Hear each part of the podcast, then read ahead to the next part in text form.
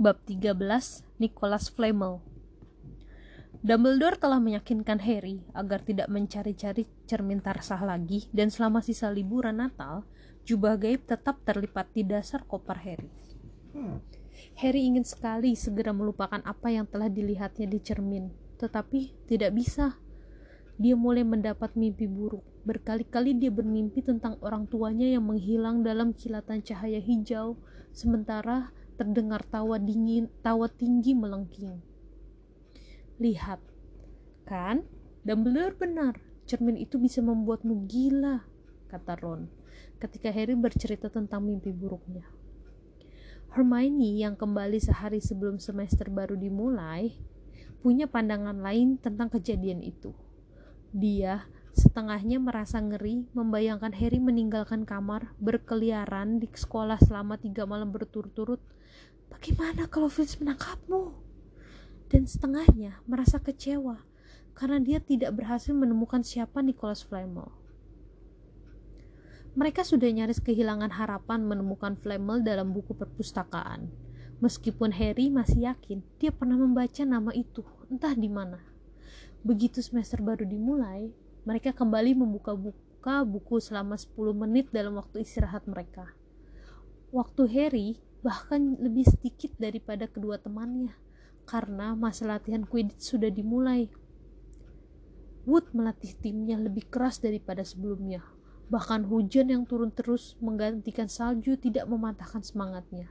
Si kembar Weasley mengeluh Wood telah menjadi fanatik, tetapi Harry memihak Wood.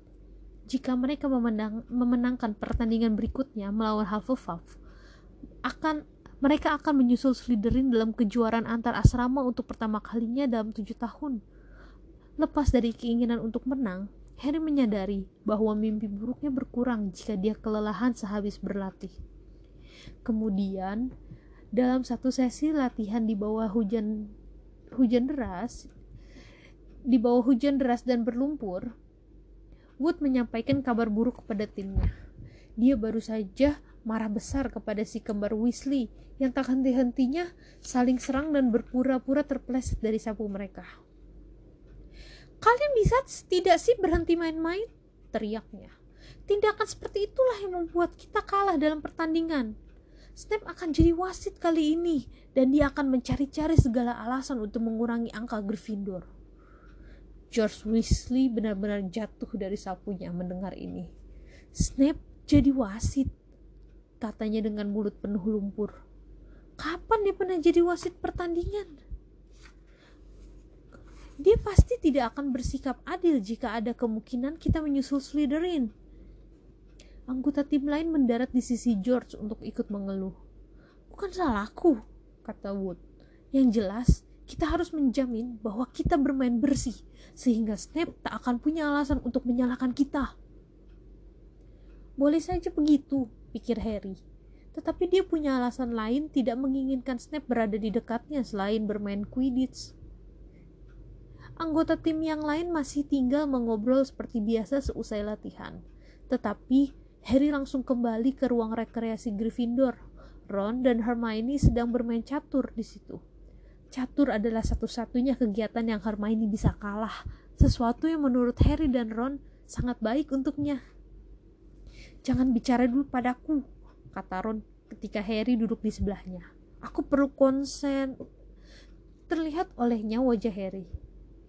Kenapa kau? Kau kelihatan sakit. Harry bicara pelan supaya tak ada yang mendengar. Harry memberitahu kedua temannya tentang keinginan mendadak Snape untuk menjadi wasit Quidditch. Ah, jangan main, kata Ron segera. Bilang saja kau sakit, kata Ron. Pura-pura kakimu patah. Hermione mengusulkan. Patahkan benar-benar saja, kata Ron. Tidak bisa, kata Harry. Tak ada sikir cadangan kalau aku mundur. Gryffindor sama sekali tak bisa main. Saat itu, Neville terguling masuk ke ruang rekreasi. Bagaimana bisa dia memanjat lubang lukisan yang tak bisa ditebak karena kakinya saling menempel? Penyebabnya langsung dikenali, kutukan kaki terkunci. Dia pastilah harus melompat-lompat naik ke menara Gryffindor. Semua tertawa, kecuali Hermione. Dia langsung melompat bangun dan mengucapkan mantra, mantra kontra kuntukan. Kaki Neville terpisah dan dia berdiri gemetar. Apa yang terjadi? Hermione bertanya kepadanya mengajaknya duduk di dekat Harry dan Ron. Malfoy, kata Neville gemetar. Aku bertemu dia di depan perpustakaan. Dia bilang dia sedang mencari-cari anak yang bisa dipakainya untuk melatih kutukan itu. Temui Profesor McGonagall. Hermione mendorong Neville. Laporkan dia.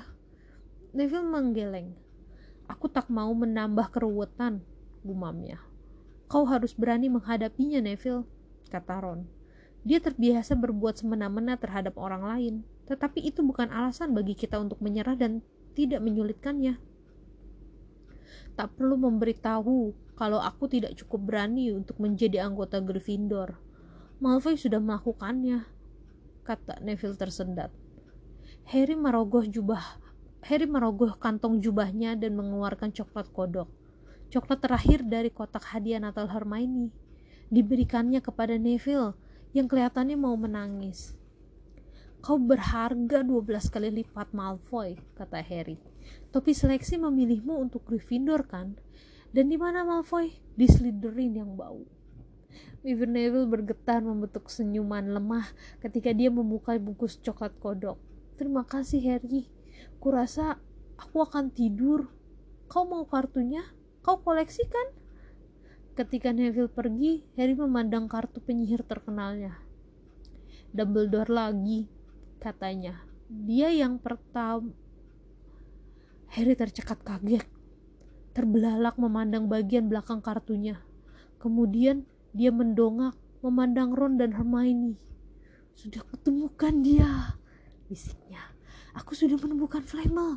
Sudah kukatakan aku pernah membaca namanya entah di mana sebelumnya. Rupanya aku membaca ini di kereta api yang membawaku ke sini. Dengar ini.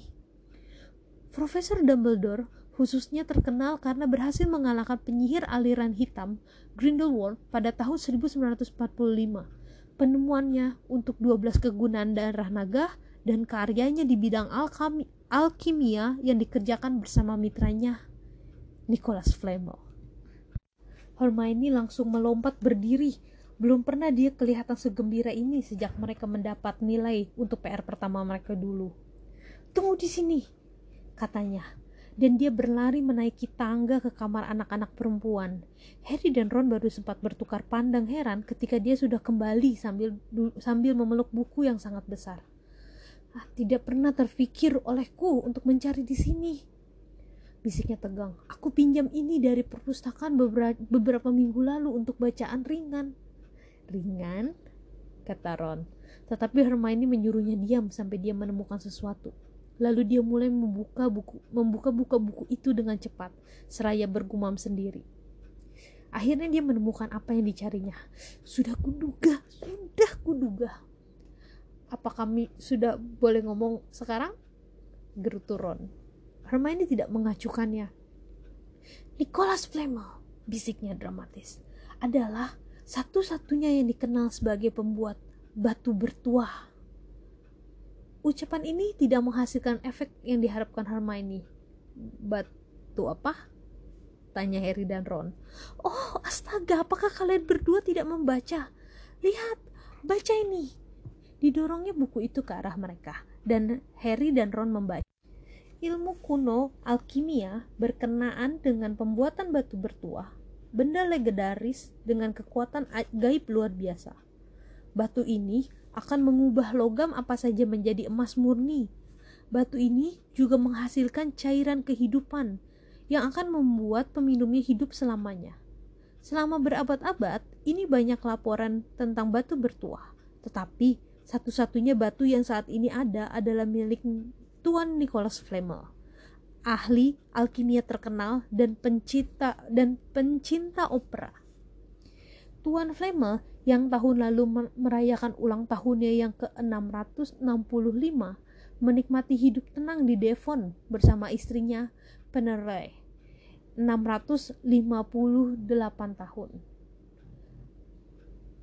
Tahu tahu kan sekarang? Kata Hermione ketika Harry dan Ron selesai membaca Anjing itu pastilah menjaga batu bertuah milik Flamel. Aku berani taruhan, dia pasti menitipkannya kepada Dumbledore karena mereka bersahabat. Dan dia tahu ada orang yang menginginkan batu itu. Itulah sebabnya dia ingin batu itu dipindahkan dari Gringotts. Batu yang membuat emas dan membuatmu tak bisa mati, kata Harry. Pantas saja Snape menginginkannya. Semua orang pasti menginginkannya. Dan pantas saja kita tidak bisa menemukan Flamel dalam buku per perkembangan terakhir dalam dunia sihir, kata Ron. Dia belum masuk kategori itu jika umurnya baru 665 kan? Esok paginya dalam pelajaran pertahanan terhadap ilmu hitam, sementara mencatat berbagai cara merawat gigitan manusia serigala, Harry dan Ron masih mendiskusikan apa yang akan mereka lakukan dengan batu bertuah jika mereka memilikinya ketika Ron mengatakan dia akan membeli tim Quidditch-nya sendiri, barulah Harry teringat akan Snape dan pertandingan Quidditch-nya yang akan datang.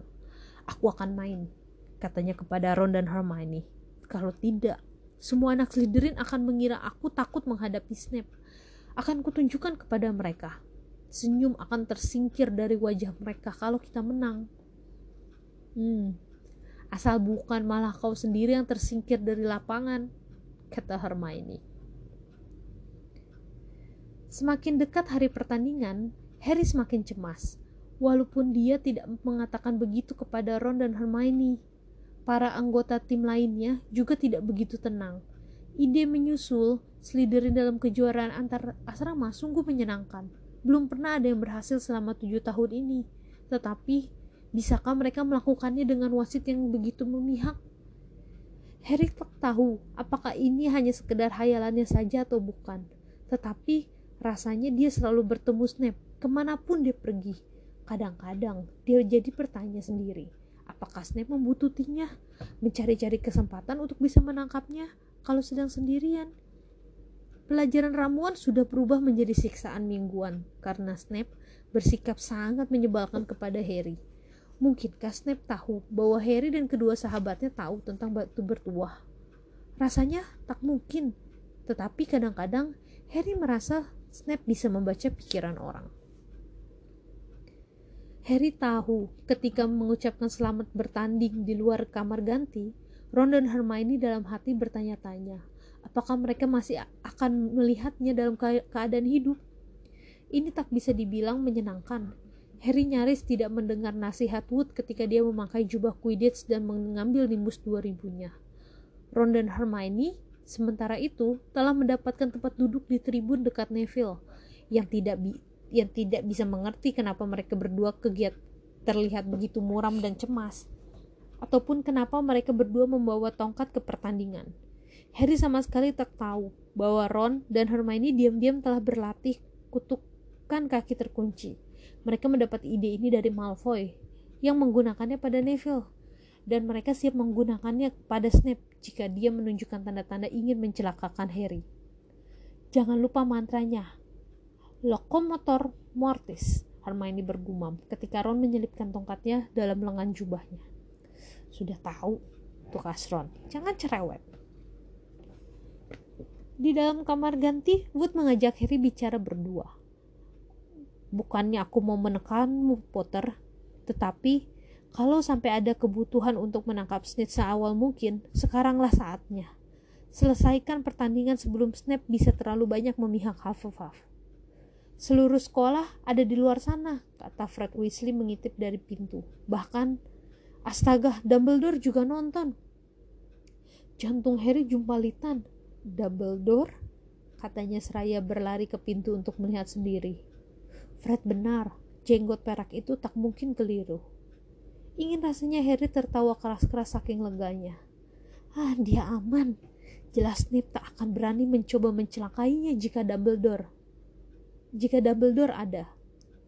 Mungkin itulah sebabnya Snape kelihatan marah sekali ketika kedua tim berjalan memasuki lapangan. Ron juga melihatnya. Belum pernah kulihat Snape segalak ini, katanya kepada Hermione. Lihat, mereka mulai Uh, ada yang menyodok belakang kepala Ron. Malfoy.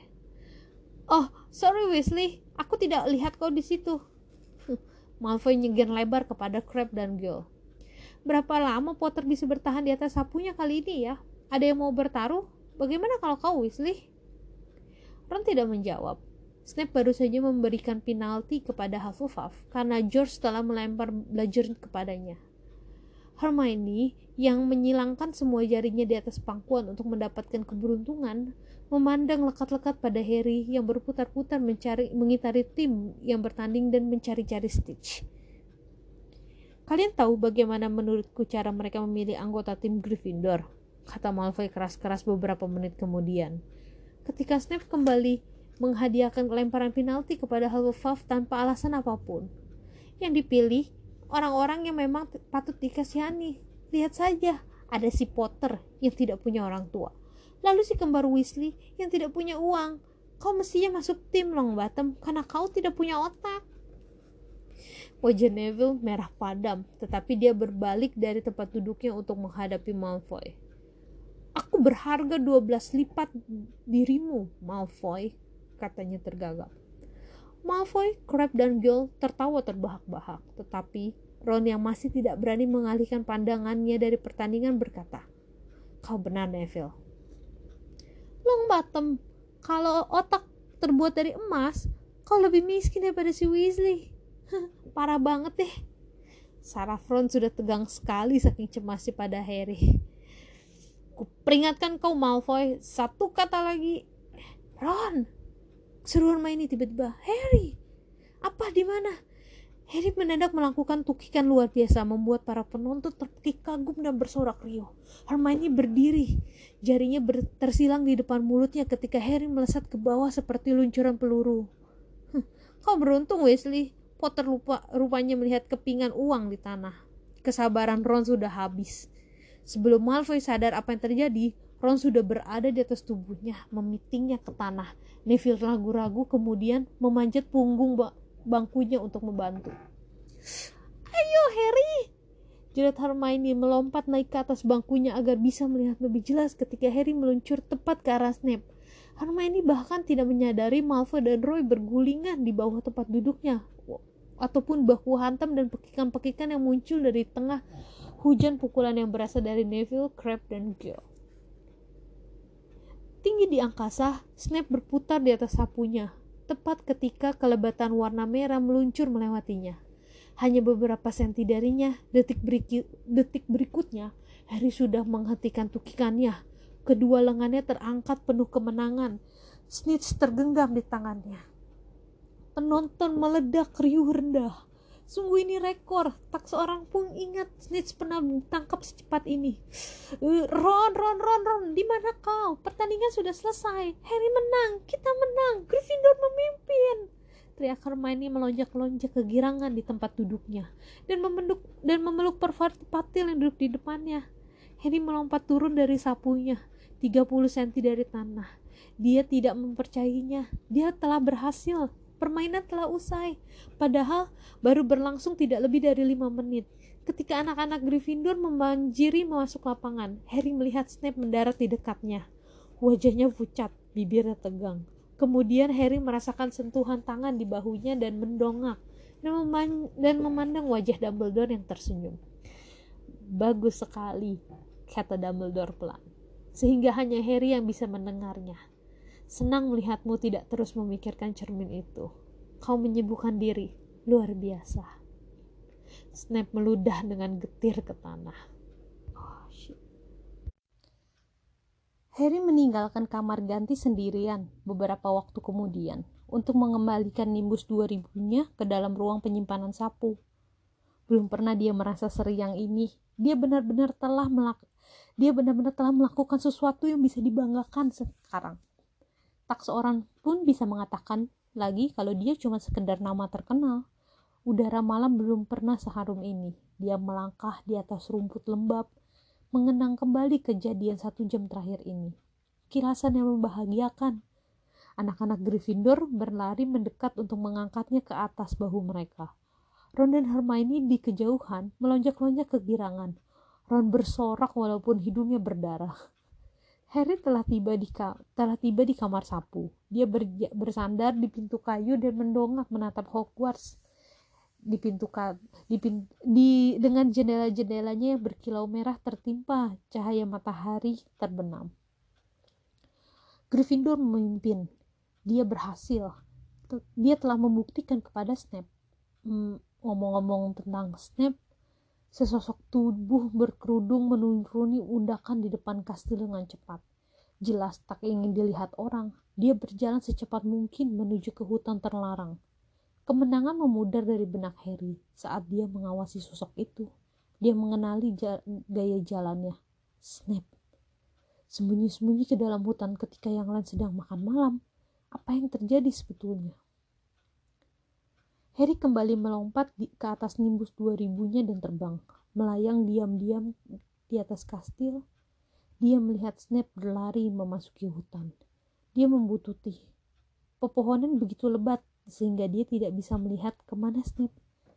Harry terbang, berputar-putar makin lama makin rendah, menyentuh ranting-ranting ke atas pepohonan. Sampai dia mendengar suara-suara. Dia meluncur ke arah suara-suara itu dan mendarat tanpa bunyi di pohon beach besar di dekatnya.